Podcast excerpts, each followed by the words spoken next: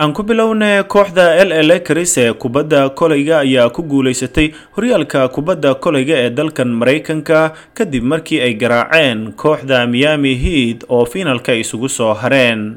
L l cris ayaa la timid boqol iyo lix dhibcood halka kooxda miami ay la timid saddex iyo sagaashan dhibcood ciyaartii lixaad ee labadan kooxood ay isaga horyimaadaan kooxda l l cris ayaa ku guulaysanaysa horyaalkeedii toddobiyo tobnaad waxayna soo barbareeyeen kooxda boston saltikis oo ahayd kooxda ugu badan ee ku guulaysata horyaalka n b a da ee dalkan maraykanka lebron james ayaa ku guulaystay koobkiisii afraad intii uu ku jiray xirfadiisa ciyaaraha ee kubadda koleyga wuxuuna sidoo kale noqday ciyaartooygii ugu horreeyey ee biladda m v b-ga ee ciyaartooyga ugu qiimaha badan ee horyaalka n b a da ku guulaysta isagoo jooga saddex kooxood oo kala duwan haddaba guushii xalay ee kooxda l l cris kadib ayaan qadka telefoonka kula xiriiray hashim abukar oo loo yaqaano d j hash oo ku sugan magaalada melbourne ee dalka australia.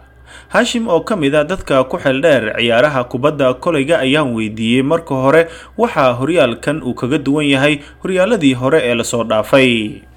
Horta sanadkan dhinac walba sportska keliya maaha sanad dhib badan oo ahay oo dhacda maxaa dhibaatooyin badan adduunka oo dhan gaarsiiyey coronaviruska. Marka wuxuu ugu duwanaayay horta hore ciyaaraha june ayay dhammaani jireen. Marka ciyaarihii waa very extended.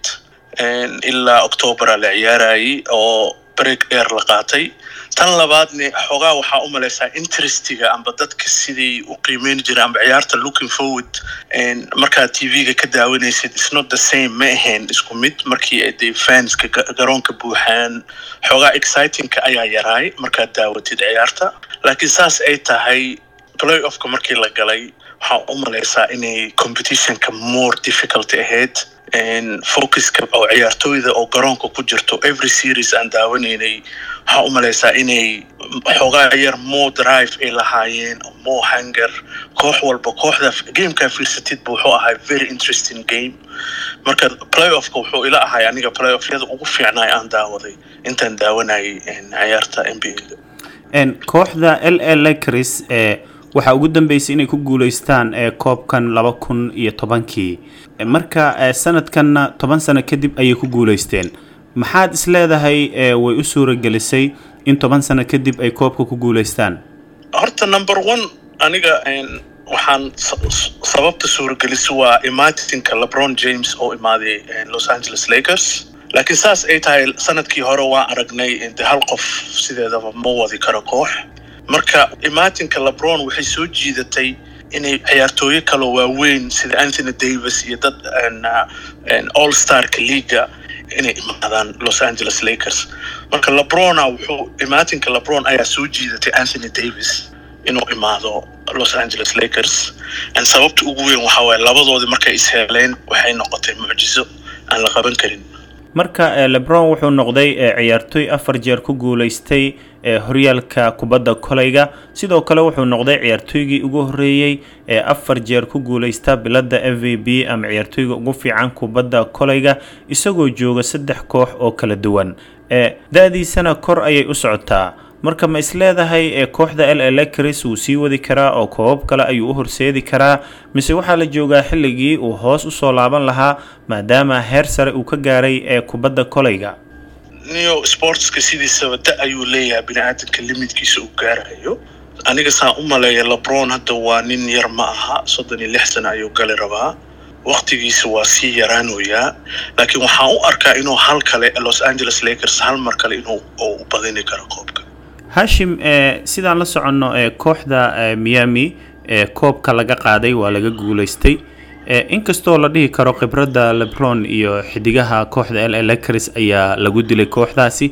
Haddana maxay ka baran karaan xidigaha ama ciyaartooyda kooxda miami?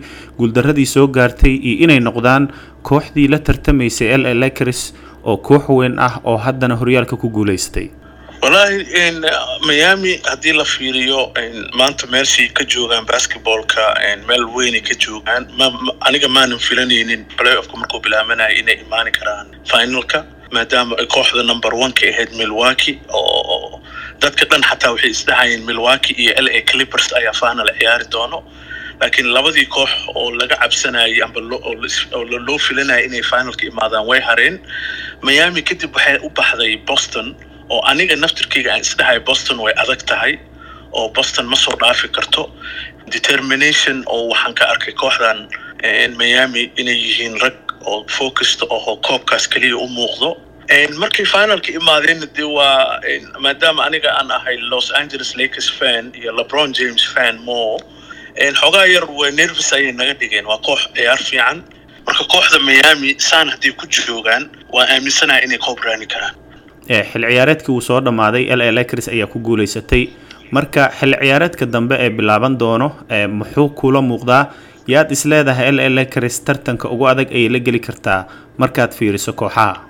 Wallahi aniga hal koox aan is leeyahay sanadkan ciyaarahan soo socda xilliga oo adag oo oo diyaarsan oo sanadkan dhanna soo nasteen aan ka cabsanayno inay koobka naga qaadi doonaan. Waa brooklyn nets taas oo aan is leeyahay brooklyn iyo iyo l a ayaa finalka ciyaari doono sanadka soo socdo. Laakiin waa waxay ku xiran tahay caafimaadkoodii iyo xoogaa in kevin durant iyo cary irvin oo caafimaadkooda qabo rag la celin kara ma aha. Marka waxaan is leeyahay l a iyo brooklyn ayay noqon doontaa finalka soo socda. Kaasi waxa uu ahaa hashim abukar oo loo yaqaano d j hash oo ka mid a dadka ku xeel dheer ciyaaraha kubadda koleyga qadka telefoonka ayuu iigu warramayay isagoo jooga magaalada melbourne ee dalka australia. Dhegaystayaal xubinteennii cayaarahana intaa ha inoo joogto